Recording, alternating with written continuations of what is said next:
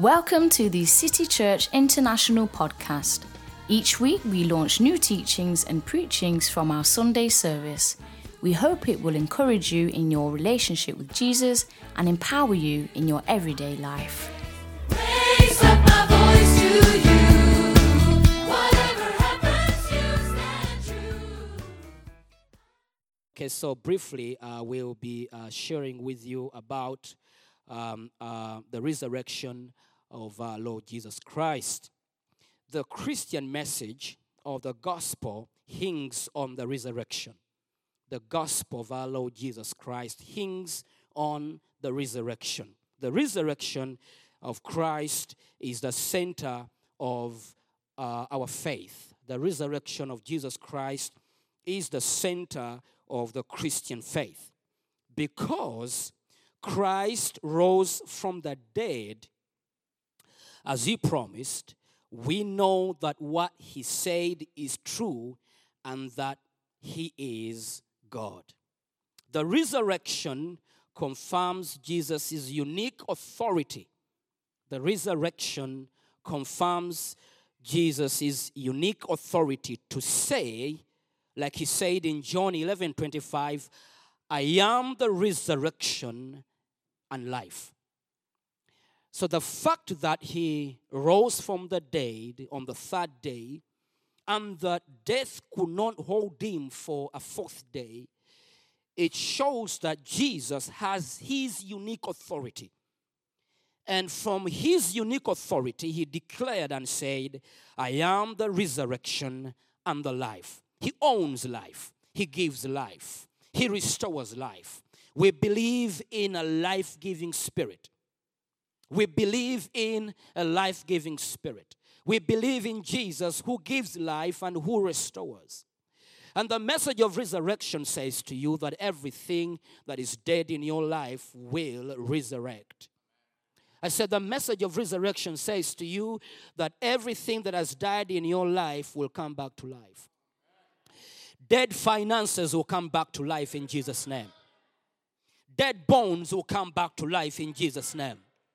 Dead marriages will come back to life in Jesus' name. Pain will leave your body because the resurrection power of Jesus Christ resides in you. So, the message of his resurrection says everything that is dead or dying will receive life. Say amen to that. Because he rose, we know that our sins are permanently forgiven. Because Jesus is no longer in that grave, we know that our sins are permanently forgiven. Jesus died on the cross as an atoning sacrifice for our sins.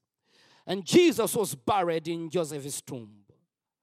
And on the third day, he rose, and that grave could not hold him a fourth day.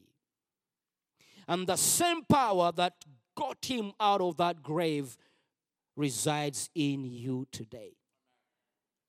And the fact that Jesus is alive, you and I, we are so sure that all our sins, past, present, and future, are permanently forgiven. We are free from the power of sin and the power of death. What a liberty we have. Come on, clap your hands and celebrate Jesus. Let's go to uh, 1 Corinthians 15, verse 17 to verse 22. 1 Corinthians chapter 17, verse 2 Corinthians, sorry, 1 Corinthians 15, verse 17. Let's read together. One, two, three, go. And if Christ is not risen, your faith is futile. You are still in your sins. Let's read it again together, all of us together. One, two, three, go. And if Christ is not risen, your faith is futile. You are still in your sins. You see that? If Christ did not come from that grave, it means that our faith uh, would produce nothing. Uh, in fact, we are believing in something that will never give us any results. And it means that we are still dead in our sins. Verse 18. Then also those who have fallen asleep in Christ have perished. 19. If in this life only we have hope in Christ, we are of all men the most pitiable. Now, this means that if Christ did not rise from that grave, if Jesus did not come out of that grave, and that is the same Jesus that we have our faith in, the, Paul says here that if our hope is in such a man who did not resurrect, then we are of all men the most pitiable. We are miserable people. If this Jesus we believe in did not come out of that grave, if he did not resurrect, if Jesus that we say is our Lord and Savior and that he forgave our sins, if that man is still dead, if that man is still in the grave, Paul says here that we are of all men the most miserable people. The most miserable people. If Jesus is in the grave, it means that you and I, we are the most miserable people. Okay, let's go to verse 20. But now Christ is risen from the dead and has become the first fruits of those who have fallen asleep. Let's go back to verse uh, 19. If in this life only we have hope in Christ, definitely, definitely, your hope and my hope is in Jesus. The Bible says, In Him we glory, in Him we boast. Your hope and my hope is only in Jesus Christ. That's why I preach Jesus. That's why I teach Jesus. There is nothing else I want to talk about but this man, Jesus Christ, who died as an atoning sacrifice and died for your sins and my sins, and we are permanently forgiven. And this same Jesus died on the cross to affirm the work he did on the cross. But anyway, Paul says if our hope is in a dead man, can you imagine? If our hope is in a dead man, you and I, we have no other place to put our hope. Our hope is in Jesus. And Paul says, if our hope, everyone say, if my hope, is in a dead man, I would be the most miserable person. This is what Paul is trying to say. Can you imagine all of you gathered here today and our hope is in a dead man? Would be the most miserable people. Would be the most miserable people of all men. But let's go to verse 20. Praise God. Come on, everybody, clap your hands with the Lord for verse 20. Come on, celebrate for verse 20.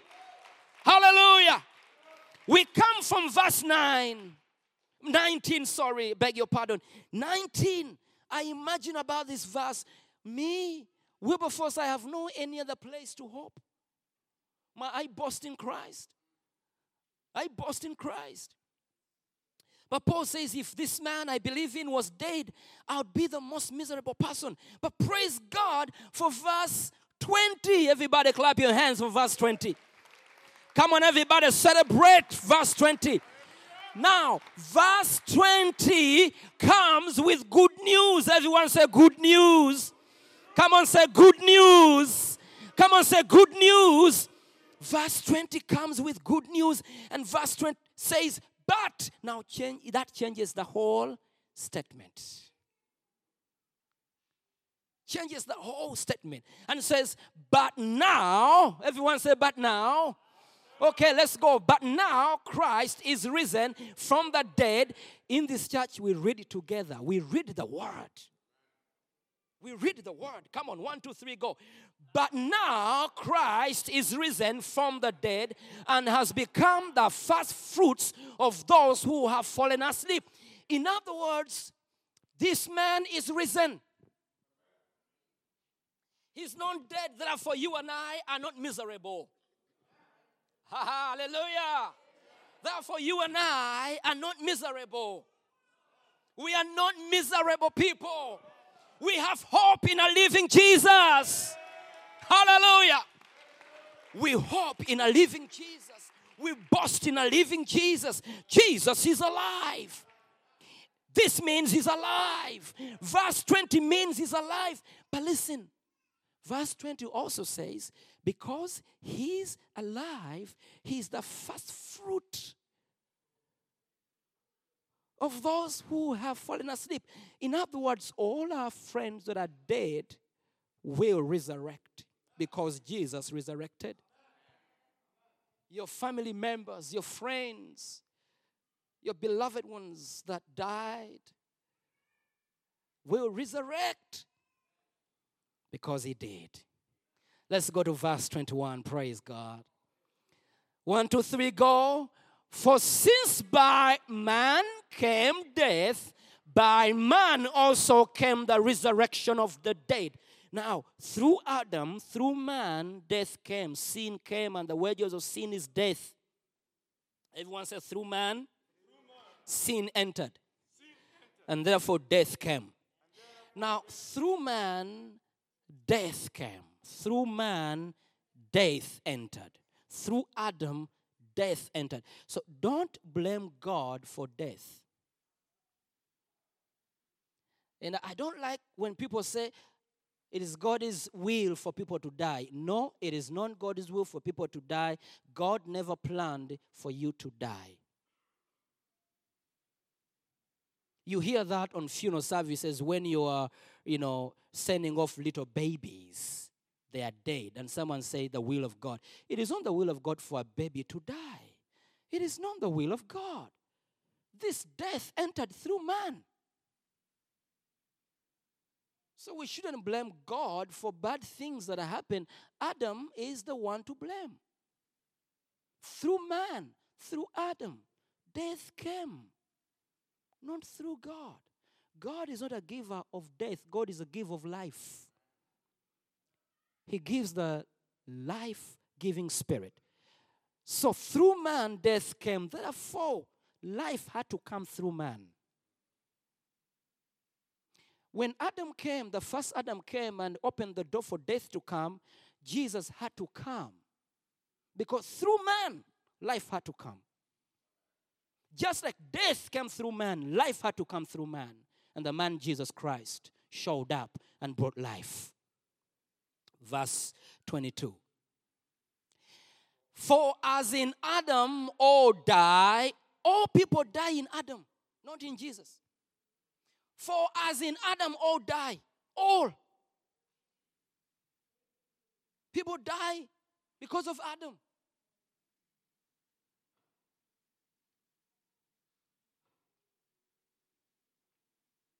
One day, my friend died. He drowned and died. And uh, we went for his funeral service. And this old Pentecostal preacher stood there and said, This was the plan of God that on such a day he would die. I was hurt. This we were we were little. My friend and I said, This God killed my friend. This God killed my friend. I saw my friend drowning. He was struggling in water and he drowned. I saw him dying. They brought him out of water and put him on the land, and he was dead. And they were pushing water out of him. He died fighting and struggling, a miserable man. And I saw how he died, and I said, Oh my God, is this how God kills people? But now I know death comes through Adam. My friend died because Adam brought in death, not Jesus. As in Adam all die, even so in Christ all shall be made alive. So in da- Adam we die, in Christ we are made alive. Hallelujah. Come on, clap your hands to the Lord. In Adam we die.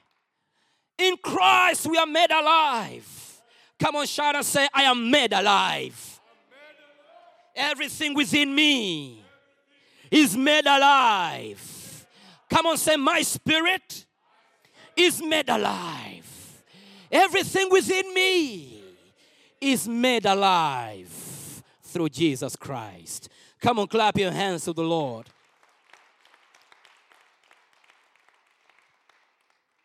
Come on, celebrate the name of the Lord. Come on, celebrate the name of the Lord. Come on, celebrate the name of the Lord. Give him all the praise and all the glory. In him we are made alive. In him we are made alive. And so, if Jesus did not resurrect from the dead, every finished work on the cross will be in vain. So, the resurrection of our Lord Jesus Christ is the ultimate proof of the finished work of Jesus Christ on the cross. Can, can, can I say that again? The ultimate proof of the finished work of Christ on the cross is in his resurrection.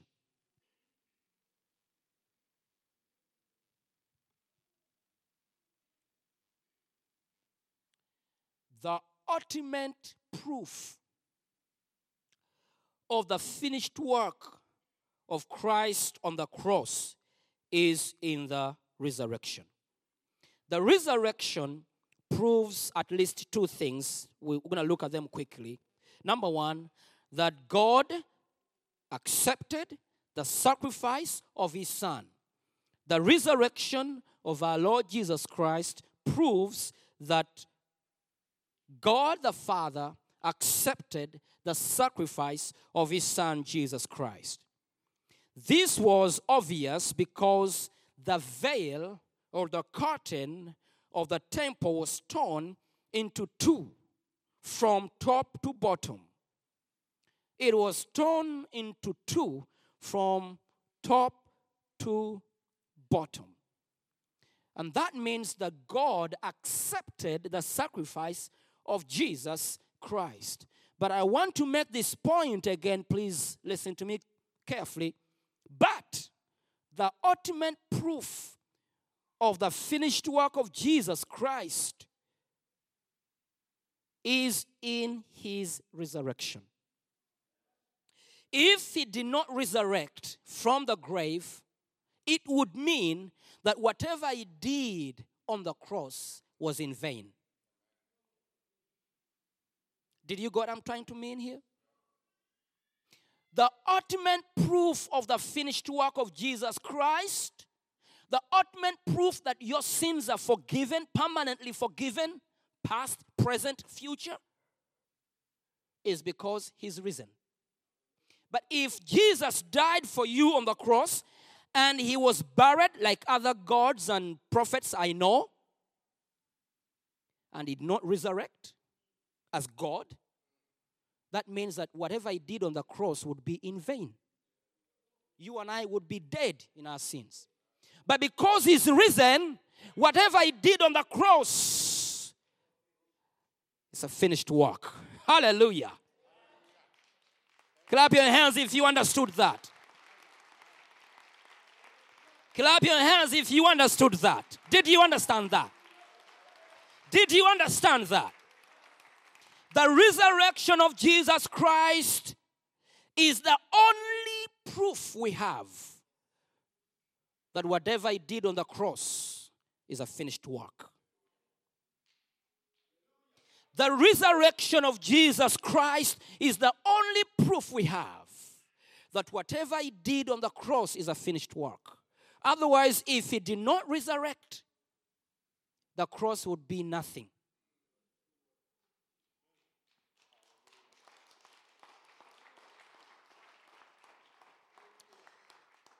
I feel like I want to clap my hands more and celebrate the resurrection of Jesus. I feel like I want to give him a shout. I feel like I want to celebrate his name.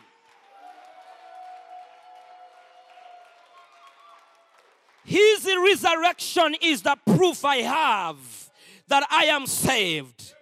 His resurrection is the proof I have that I am healed. His resurrection is the proof I have that I am permanently forgiven. I am holy. I am the righteousness of God. Hallelujah. There is no sin in your spirit because Jesus is resurrected. When God accepted the sacrifice on the cross when Jesus died, and that curtain was torn from top to bottom. You see, in the temple, there were three places. How many places? Three places. One was the courts where everyone came. The second one was the holy place where only priests entered. Only priests could enter. Then the third one was the most holy place where only the high priest was allowed to enter and only once a year. Only once a year. Come on. That means God was met once a year. And some people died there. Some high priests died there. No one could enter. Now, the curtain, the Bible is talking about the veil, was between the holy place and the most holy place. Between, separating God from humanity. God lived, His presence dwelt in the most holy place. And the curtain was between the most holy place and the holy place, separating God from humanity. Now, when Jesus died on the cross, God received, because the high priest used to enter there to atone, to, to give sacrifices for the sins of the nation of Israel once a year. Now, when Jesus, the Bible says Jesus entered there with his blood, and the Father accepted the sacrifice, the atoning sacrifice for humanity. And because he received it, or because the curtain was torn from bottom, from up to bottom, and, and, and, and, and, uh, and, and, and, and it was removed, it means that Jesus, when he entered in there, God the Father accepted the sacrifice. And that barrier between God and humanity was removed forever, permanently removed, permanently removed, permanently removed. That veil that separated, that barrier that separated God from humanity, when Jesus gave the sacrifice, Father, God the Father received it, accepted it on behalf of all of us. And that barrier was removed. And now you and I can approach God.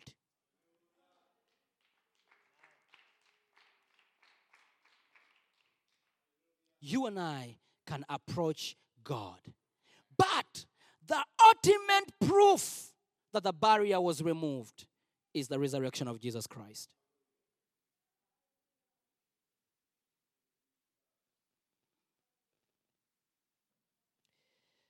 Let's go to Matthew 27. Matthew 27.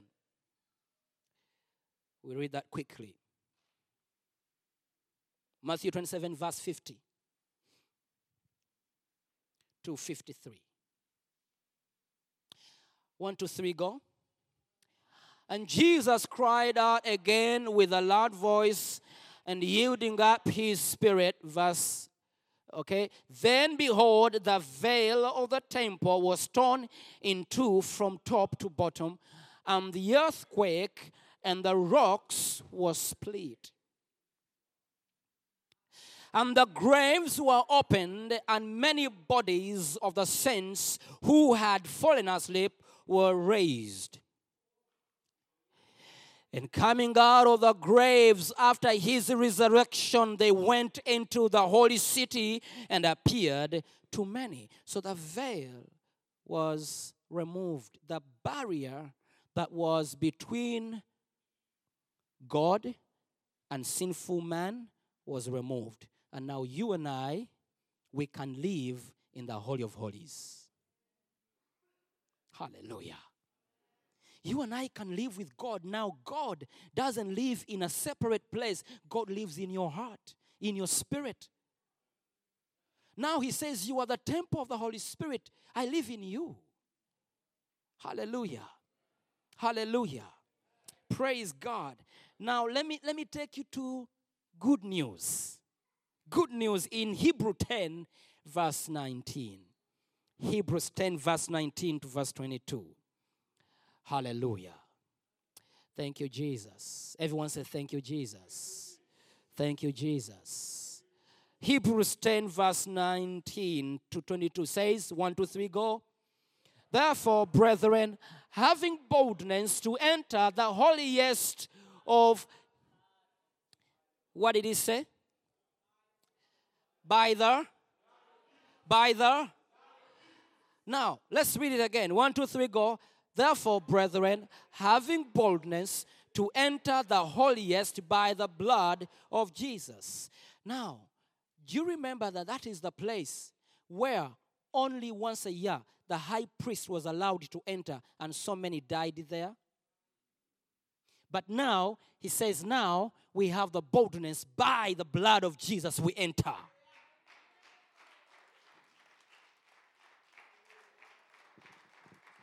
By the blood of Jesus, we enter the holiest place. Hallelujah. Come on, clap your hands to the Lord. Hallelujah.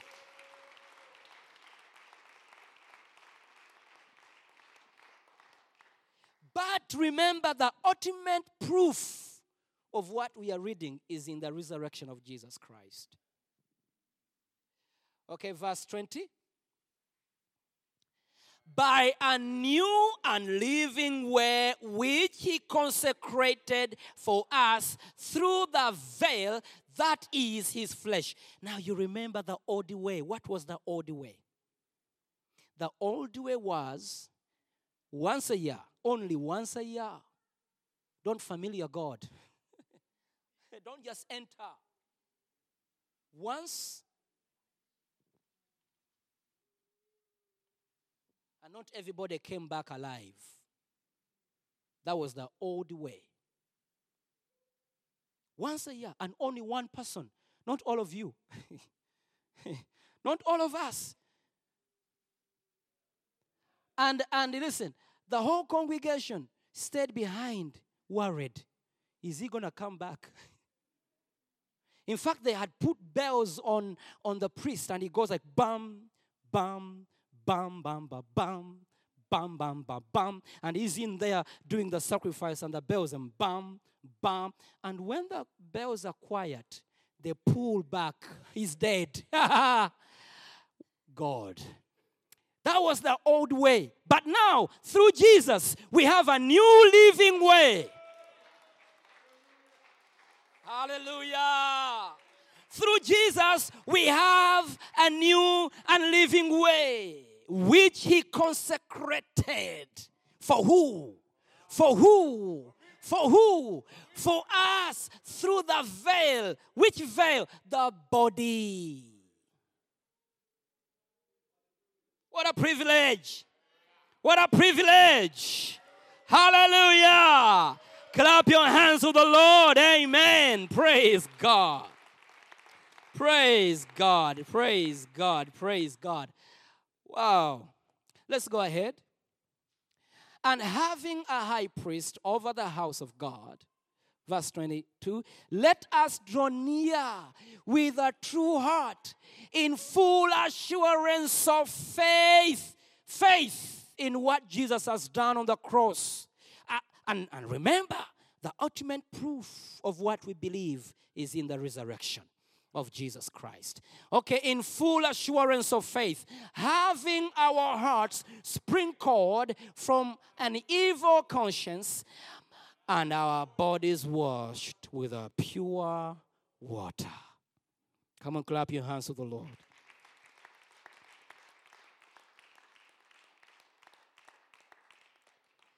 Let me give you only one more point. I said two. Two things that, that we see in the resurrection of Jesus Christ. Christ's resurrection is called the first fruits of those who are dead. And Christ's resurrection means that we too will be raised from the dead. His resurrection means that you and I will be raised from the dead. He's the first fruit. And because he's risen, we shall also rise from the dead. Let's go to uh, 1 Corinthians 15 20 to 22. Let's go back to 1 Corinthians 15 20 to 22. One, two, three, go. But now Christ is risen from the dead and has become the first fruits of those who have fallen asleep. For since by man came death, by man also came the resurrection of the dead.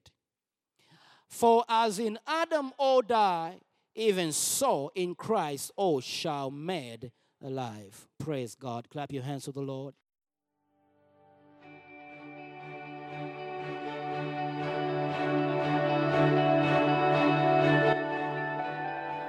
Thank you for listening. If you're in the Stockholm area, feel free to join us at our international services every Sunday at 2 pm at Adolf Fredriks Kyrkogata 10. If you'd like to know more about Jesus or for any other information, please do visit us at ccistockholm.se.